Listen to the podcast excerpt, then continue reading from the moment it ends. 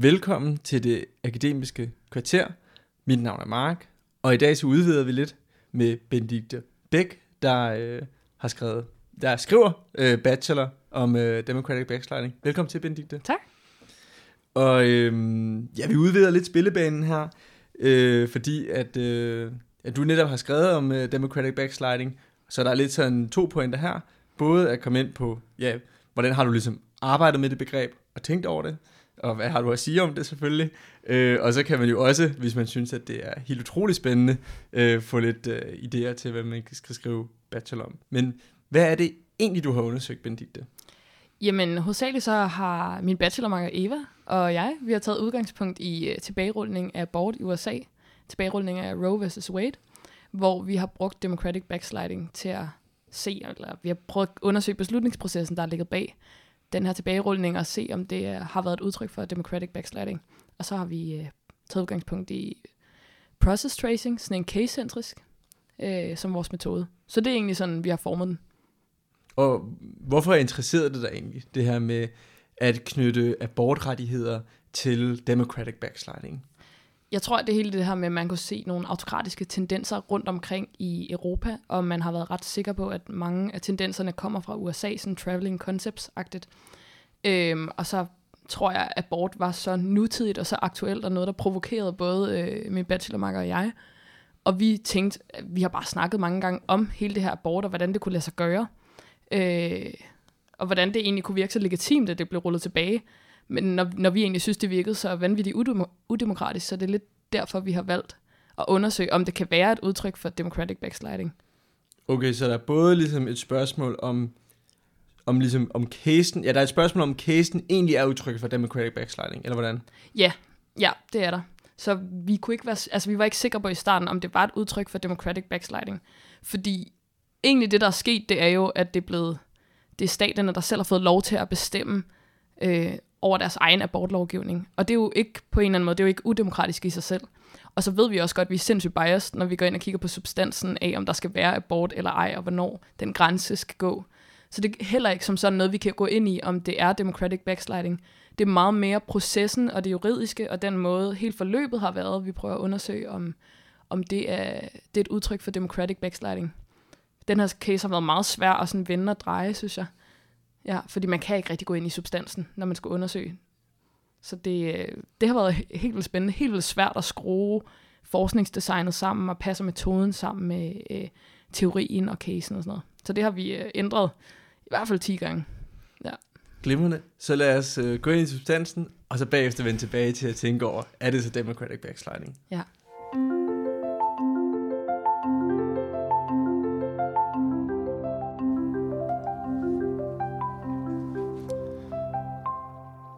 Så Benedikte, du taler om, at I undersøger tilbagerulning af Roe vs. Wade og sætter det som udtryk for democratic backsliding, men altså, selv jeg, som er amerikaner, øh, har ikke ligesom styr på alle de sådan nærmere omstændigheder. Så hvad er lige præcis for en case, I undersøger, og hvordan er det, I går til, øh, til det på? Jamen, øh, vi tager udgangspunkt i, at Roe vs. Wade er blevet tilbagerullet. Og så tager vi egentlig en baglæns kronologi og kigger på alle de begivenheder, der har været udslagsgivende for, at øh, den her lovgivning kunne blive rullet tilbage. En ret vigtig lovgivning, som, øh, eller øh, i hvert fald, ja, lovgivning, som har skabt præcedens i, i en lang årrække siden 74. Øhm, men hvis vi tager den fra, fra vores eks, fra vores årsag og går hen til vores udfald, så er det, at øh, Trump han appellerer til øh, en kristen højrefløj. Bagefter bliver han valgt ind. Øhm, og så får han lov til at nominere tre højesteretsdommere. Senatet godkender alle tre højesteretsnomineringer. Øh, og her skal det lige indvendes, at Trump får lov til at nom- nominere Amy Coney Barrett øh, 38 dage inden, at han, inden at der kommer nyt valg, og inden han ikke, ikke længere er præsident. Og Obama får ikke lov, dengang han var præsident, selvom der var et halvt år til, at han øh, ikke skulle være præsident længere. Nå, men så efter at højesteretten har, øh, nej, senatet har godkendt de her højesteretsnomineringer, så kommer der, øh, vi siger, der er seks øh, republikanske højesteretsdommer, og der er tre demokratiske. Og det bliver ligesom tungen på vægtskålen, som dømmer anderledes. Og man kan sige, at de her dommer, de er valgt instrumentelt, øh, fordi de fortolker forfatningen på en anden måde. De har den her forfatningsfortolkning, som er meget sådan, det står ikke i forfatningen, at kvinder skal have ret til abort. Derfor kan vi ikke forsvare det. Øhm, men i hvert fald efter de her højesteretsdommers nomineringer er blevet godkendt af senatet, så øh, bryder Texas øh, nogle forfatningsmæssige... Øh, altså, de, øh, de sørger for, at... Øh, jeg tror, at den hedder Senate Bill 8, hvor efter øh, første hjerteslag må man ikke længere få abort som kvinde, det er altså efter 6. uge, det bryder med den præcedens, der er for, for abort. Og der sker en masse af de her cases, som vi tager udgangspunkt i, hvor stater går ind og, øh, og, og bryder med den eksisterende lovgivning og eksisterende, øh, og eksisterende præcedens, der er for abort. Og til sidst, så kommer den her case, som, øh, som vi så alle sammen kender, der ruller øh, abort tilbage, som bliver taget op af højesteretten. Øh, så har vi også nogle få begivenheder med, som... Øh, hvor at, øh, man kan se, at øh, der har været en korrespondence mellem dommerne om, at det er meget vigtigt, at vi får rullet den her abortlovgivning tilbage. Der har været nogle øh, leaks af nogle dokumenter, og man har set, at der tidligere i forhold til sådan præventionsdebatter også har været en politiseret højesteretsdomstol. Så sådan overordnet set kan man sige, at hele den her beslutningsproces, der går fra, at Trump han øh, appellerer til en kristen højrefløj, til vi ser, at Roe vs. Wade bliver tilbagerullet, den er præget af en, en højesteret, som er blevet politiseret, og nogle dommer, der er blevet valgt instrumentelt til at, til at rulle den her abortlovgivning tilbage. Fordi de her dommer, de kommer fra øh, The Federal Society List, som er en liste, der er lobbyeret af kristne evangelister. Øhm, og Trump har været åben om at sige, at jeg vælger kun dommer fra den her liste med hensigten om, at de skal rulle Roe vs. Wade tilbage. Og er det til forskel af, hvordan højesteret normalt fungerer i USA? Man kan sige, at de har et andet, de har et andet fortolkningsgrundlag. De nye dommer. Mm øh, de tre nye dommer, som Trump har valgt ind, de, øh, de, har, de ser ikke nutiden, de ser ikke konteksten. De siger, at det står ikke i forfatningen, at kvinder skal have retten til abort. Derfor vælger vi at rulle den tilbage. Vi kan simpelthen ikke finde noget argument i forfatningen om, at kvinder skal have ret til det her. Uh. Og tidligere har det været, siden, siden Roe vs. Wade blev etableret i 70'erne, så har der været flere og flere dommer, som bare har fortolket sådan bredt på det og set det i en nutidskontekst. Så Men, det er en helt anden fortolkningsstil og fortolkningsprincipper, man anvender. Så er en fortolkningsstil mindre demokratisk end den anden? Altså, øh, hvordan skal den... man forstå Roe versus Wade-dommen for eksempel? Jamen, altså, man kan sige, at der er ikke en fortolkningsstil, der er bedre end den anden, men det er vel ret udemokratisk, at man vælger nogle dommer på baggrund af deres fortolkningsstil om at tilbagerulle lovgivning, fordi præsidenten har som sådan ikke magten til at tilbagerulle lovgivning, men det, det får præsidenten i og med, at han anvender, han instrumentelt vælger nogle dommer, hvor han ved, hvad de vil gøre ved den her lovgivning. Og der er også noget, der er noget politisk i, at domstolen vælger at tage, tage nogle cases op til højesteretten, som, som de vælger at gøre en helt retssag ud af. Normalt, hvis der er en stat, der bryder med forfatningen, så siger de, prøv at høre, det her det er præcedens, I må ikke gøre det, stop det. Men her, der vælger de at sige, okay, det kan være, at vi skal genfortolke hele det her princip. Og Trump har jo sagt tidligere, jeg vælger kun dommer, der vil tilbagerulle den her lovgivning. Så det virker meget suspicious. Og så kan man se deres leakede dokumenter, øh, hvor de prøver at overbev- overbevise nogle draft, draft documents, hvor, hvor der bare står, vi skal for alt i verden rullet det her tilbage. Okay, så der er ligesom, der er ligesom en forskel med Trump i den her case i forhold til tidligere, hvor, altså, fordi det jeg lidt sidder og tænker, det er, okay, dommer de udpeges jo altid for deres juridiske filosofi. Altså man har jo altid talt om demokratisk og republikansk udvalgte dommer, ikke? Ja, ja. Men så det der er forskellen, altså hører jeg som en stor forskel, det er, at, at man ligesom har valgt afgørelsen på forhånd, eller hvordan? Ja, det er nemlig det, fordi en præsident vælger vel altid en dommer, som de godt kan lide, og som står inden for deres partipolitiske program på en eller anden måde. Men der er en forskel i, at en præsident vælger nogle dommer med et fortolkningsgrundlag, der vil sørge for, at de vil rulle en bestemt lovgivning tilbage. Og det er enormt politiseret, og det er meget mere politiseret, end hvad man har set tidligere, og det er meget konkret på den her ene lovgivning. Ja, så det er, det er det, der ligesom gør det anderledes. Ellers så er det at vælge en dommer jo egentlig ret politisk i USA.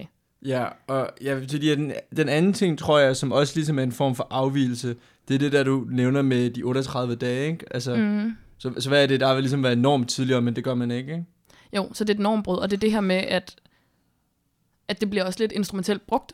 Altså, hvornår kan, en, øh, hvornår kan en præsident få lov til at nominere en dommer? Obama får ikke en dommer til høring. Altså, han får, han får ikke lov inden for et halvt år, og, Obama, nej, og Trump får lov selvom der er 38 dage til. Og jeg tror, uh, Mitch McConnell, som er senatets præsident, han, han, siger, han siger til Obama, jamen, det er simpelthen for sent for dig. Der kommer en præsident i næste runde, som folket kommer til at stemme på, så det vil være udemokratisk for os at give dig lov til at nominere en højesteretsdommer. Men det argument gælder ikke for Trump. Ja. Han bruger det fuldstændig modsatte argument om Trump. Han er jo folkets mand, han er valgt, så han må have lov til at nominere en dommer lige indtil den sidste dag, han er præsident. Så.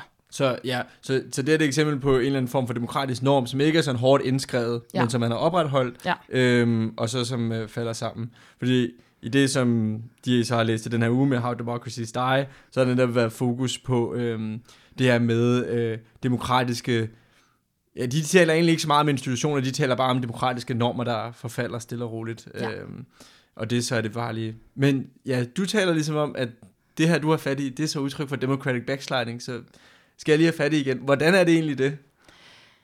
Jamen, det er jo også det er jo svært at øh, argumentere for, og det er lidt det, Eva og jeg har haft svært ved i hele opgaven. Men vi har, øh, vi har sådan meget subjektivt og meget i vores lille øh, bachelorbubble argumenteret for, at det er democratic backsliding, fordi vi ser en domstol, der bliver politiseret, et fortolkningsgrundlag, der bliver valgt instrumentelt, og at der, der, der sker den her, det her normbrud generelt gennem mange af de her begivenheder. Og det bliver brugt instrumentelt og mega politiseret. Altså domstolen skal være uafhængig og så neutral, som den nu kan være i USA. Men hvis man tager ligesom republikanernes filosofi her, mm. så er de jo ligesom meget stærke federalister på den mm. måde, at de gerne vil have, at uh, the Ten Amendment, ikke? alt det, der ikke står i forfatningen, tilfalder staterne. Ja. Øhm, og altså sådan, ja, det var nogen, der også fik ørerne grund i maskinen, for der er også nogen, der ligesom ser det som mere demokratisk, det her med, at uh, Roe vs. Wade er blevet tilbagerullet, ikke? Jo. Øh, fordi at uh, det er ligesom, altså det er jo en juridisk dom, som bestemmer noget politik, og det er jo mm. noget, man kan tale om, egentlig burde være en politisk beslutning, og så ja. nu er det tilbagefaldet øh, staterne. Hvorfor mm. er det ligesom, hvorfor er det i jeres optik, at den, den linje argumentation så ikke holder? Jamen, der, vi står hele tiden med den her hurdle om, at det er jo vel ikke udemokratisk i sig selv, at det bliver delt ud til staterne, men det er som sådan ikke det, vi fokuserer på. Vi fokuserer på selve den beslutningsproces, der har været. At der er et, en form for normbrud blandt institutionerne, og det her checks and balances oplever øh, et democratic decline, som vi ser det. Så det er ikke, det, så det er ikke sådan udløsningen af selve øh, tilbagerulling af lovgivningen, men det er mere, hvordan det skete. Ja, men jeg synes, det er ret sjovt ligesom lige at, at, gå lidt videre med den her diskussion. Ja. Øhm, fordi Altså det vi taler med det der democratic backsliding, det er, at det kan godt ligesom, det kan godt komme til at være noget, man hele tiden siger om sine modstandere, ikke? Jo, jo. Så alt det, de andre gør, det er imod demokratiets ånd og sådan noget, ikke? Mm. Øhm, hvor jeg lidt, hvor jeg lidt tænker sådan, okay, der er ligesom nogle federale intentioner her, øhm, og, øh, og ja, ja, det er ikke sådan fuldstændig klart, hvordan at, øh, det, det skulle være backsliding. du får lov til at læse vores opgave. Ja, når ja, er klar det, nu. øh, Jamen, jamen, jeg tror, det er hele det her normbrud, og et, et, altså, at man instrumentelt vælger nogle dommer. Du ser bare en konstant anden, altså en helt radikal anden måde at gøre tingene på. Det er ikke set før. Og en domstol skal ikke være politisk, den er blevet enormt politiseret. Fortolkningsgrundlaget. Og det er rigtig, rigtig svært at sige, det er democratic backsliding, mm. og det kan vi måske komme ind på senere, fordi hele vores opgave omkring, hvorvidt det er democratic backsliding eller ej, bygger på logikken om, at der er sket et demokratisk normbrud.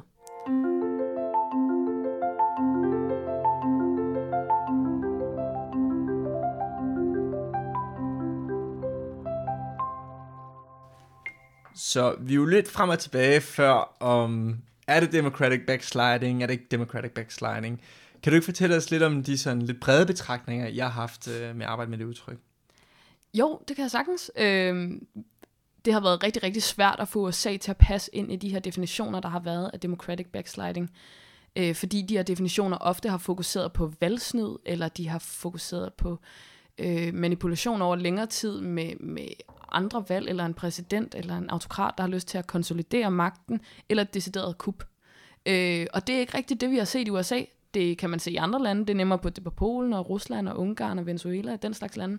Men et så etableret demokrati som USA, hvor der ikke er noget, som vi altså, snakker om på skrift, der ændrer sig.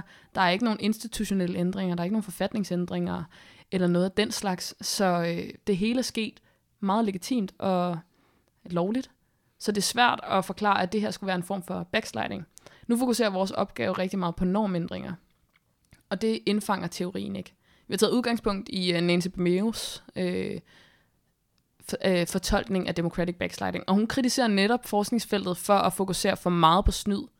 Øh, eller altså sådan decideret ulovlige ting. Mm. Og hun siger, at det er nødvendigt, at man ligesom breder definitionen ud. Fordi hvis man ikke breder definitionen ud, så kan man undgå at få, øh, få øjnene op for de demokratier, som går hen til autokratier, hvor der ikke nødvendigvis er tale om store lovbrud, eller stor statskup, eller, eller et eller andet i den, i den dur. Øh, men vi synes heller ikke selv, hun formår at indfange normer. Så, øh, så i vores i hvert fald diskussion i vores bacheloropgave, der diskuterer vi, om man kan inkludere normer øh, i de her definitioner.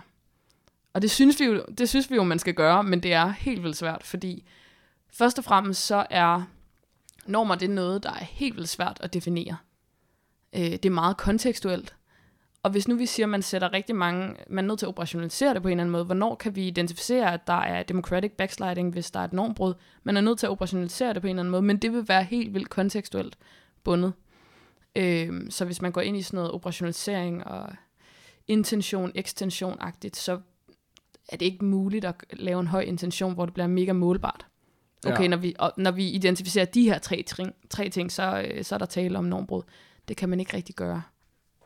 Så som jeg forstår det, så altså udfordringen med at indtælle de her normbrud, det er, at det bliver meget bredt. Hvordan det? Jamen, det bliver enormt bredt, hvis man skal kigge på normer. Øh, man kan sige, både Bameo og Ginsberg, som er to teoretikere, vi bruger, de snakker om democratic backsliding i forhold til forskellige øh, strategier. Så hvis vi tilføjer en ekstra strategi, så må man jo alt andet lige sige, at teorien bliver endnu bredere. Og så i sig selv er normbrud jo enormt kontekstuelt, øh, og et enormt anfægteligt begreb. Og man kan sige, med et så bredt begreb som normer og normbrud, så kan man risikere at kigge på nogle cases og øh, få nogle falske positiver og komme frem til en pointe om, okay, der er nok sket democratic backsliding, fordi der er sket en normbrud. Så det er jo en risiko. Og det er jo så også noget, som Walton og Lost vil kritisere. Som også er på Pensum, går jeg ud fra. Det er det nemlig. Det er det, det, er nemlig. det nemlig. Ja.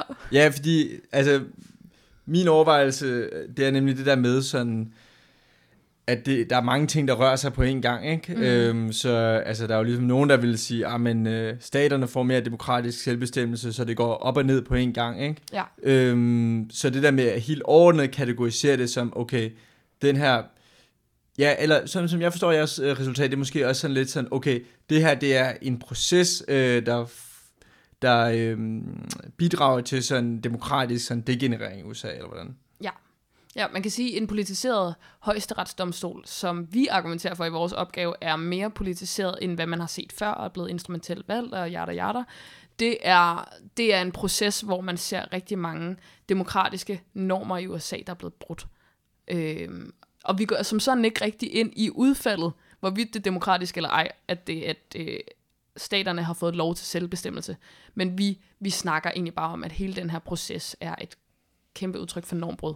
Og hvis vi skal tænke over ja, lidt videre, det her med normbrud, altså sådan, det er også sådan lidt sådan, hvornår bliver det interessant? Ikke? Det bliver ligesom interessant, når det, når det påvirker andre når det ændrer den måde, vi ligesom tænker på det på, ikke?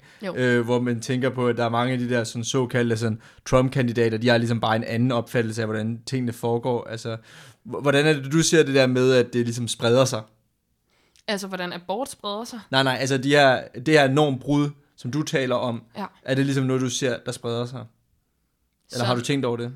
Altså, man kan sige, vi har læst rigtig, rigtig mange ting og udtalelser fra højesteretten, og der går nogle debatter i højesteretten lige nu om, hvorvidt man ønsker at tilbagerulle andre ting, som refererer til den samme del af forfatningen, som øh, abort gjorde. For eksempel øh, same-sex marriage refererer også til den samme del af forfatningen, som abort gjorde. Og der kan man bruge det samme argument om, jamen, det står sådan set ikke i forfatningen, at det er en rettighed, man bør have. Så i hvert fald højesteretten, jeg ved, det ser anderledes ud i kongressen, men højesteretten argumenterer for, okay, det her, den her rettighed kan vi heller ikke se. Og der er mange ting og mange rettigheder, som, som ikke er indskrevet i forfatningen. Og med den her fortolkningsstil, så forsvinder mange af de øh, rettigheder, som vi i dag vil kategorisere som liberale rettigheder i sådan en liberal demokrati. Øh, det er same-sex marriage, det er interracial marriage, og det er også abort blandt andet. Øh, så hvis man ikke fokuserer på de her normbrud, og hvordan en proces kan sådan øh, kan være udtryk for manipulation og og instrumentelt valgte politiske dommer osv., så sådan formår man at overse mange af de lande, hvor der sker democratic backsliding, men hvor at institu- institutionerne eller forfatningen eller der er sådan nogle ting nødvendigvis ikke ændrer sig. Ja. Og det er ret kritisk. Men jeg tænker sådan der, også her til sidst, sådan, er det bare sådan der en degeneration af det liberale demokrati mm. over til et mere simpelt demokrati, som bare er sådan en flertalsbestemmelse, Ja. eller øh, kan man ligesom risikere den her proces, hvor at det går fra demokrati til sådan et decideret autokrati? Eller er det noget helt tredje, jeg, jeg, en anden, et anden udfaldsmulighed, som, som jeg ikke ser? Okay, det er det helt store spørgsmål Ja, om, hvor, det. hvor verden på vej hen. Hvor vi Ja. slutter her, ikke? Hvor slutter vi her? Jamen, øh, jeg tror, at, øh, men det er jo som også min egen personlige holdning, jeg tror, vi er mere på vej over til nogle autokratiske tilstande, faktisk. Øh, jeg synes, der bliver sat spørgsmålstegn ved nogle, nogle fundamentale rettigheder. Øh, og så kan man godt sige, at det er blevet rullet ud til staterne selv, men man vidste godt, hvad resultatet ville blive, når det blev rullet ud til staterne selv. Mange af staterne havde også lavet trigger laws, så de var klar til, hvis abort blev tilbagerullet. Så man har vidst, hvad resultatet vil blive. Og hvis man som mig synes, at for eksempel abort er en fundamental demokratisk rettighed, og det er retten til egen krop, og det, øh, det handler om øh, lighed mellem kønnene osv., så, så synes jeg, at det er meget nogle liberale øh, demokratiske rettigheder, der bliver frataget befolkningen. Og hvis man går ud og kigger på, hvad der ellers kunne blive rullet tilbage, og der allerede bliver sat spørgsmålstegn ved det, så synes jeg, at det minder om nogle autokratiske tilstande. Det er jo ikke så opmuntrende. Nej, nej, det er det ikke. Men altså... Det er spændende at sidde med et halvt år, ikke? Og læse jo, jo. der- Ja, har det været en øh, god opgave at skrive, tænker du? Jeg synes, det har været rigtig fedt. Øh, jeg synes, det er fedt, vi har taget lidt, et, eller jeg synes selv, vi har været lidt kreative djøffer på en eller anden måde, hvis man kan være det. Øh, I og med, at vi har taget en metode, der ikke er særlig mange, der bruger, eller ikke bruger, øh, ved særlig meget om. Teorien democratic backsliding. Altså, demokratiteori er jo sindssygt gammelt, men democratic backsliding som felt. Relativt nyt. Mm. Altså, Bermeus tekster fra 17, og meget, altså, World Not Lost er jo Der sådan- sker meget. Der sker meget hele tiden, ikke? Ja. Og den udvikler sig hele tiden, så det er også mega spændende, og abort er jo helt aktuelt, ikke? Og der sker, vi har ændret vores analyse undervejs, fordi der er sket nye ting. Så jeg synes, det har været øh, udfordrende, at det hele tiden skulle passe ind, og vi, øh, det var ikke det oplagte, og det var lidt alternativt og kreativt. Men jeg synes også, det har været enormt spændende. Og hvis man skal bruge et helt semester på noget, så skal det nok helst være noget, der provo- altså, provokerer en på en eller anden måde. Så man kan holde ilden, tror jeg. Jamen, det er nok et godt råd forlæns, og så en god motivation af, hvorfor, øh, hvorfor det er backsliding rører så mange. Ja, Tak fordi du har været med, Benedikte. jamen selv tak, Mark.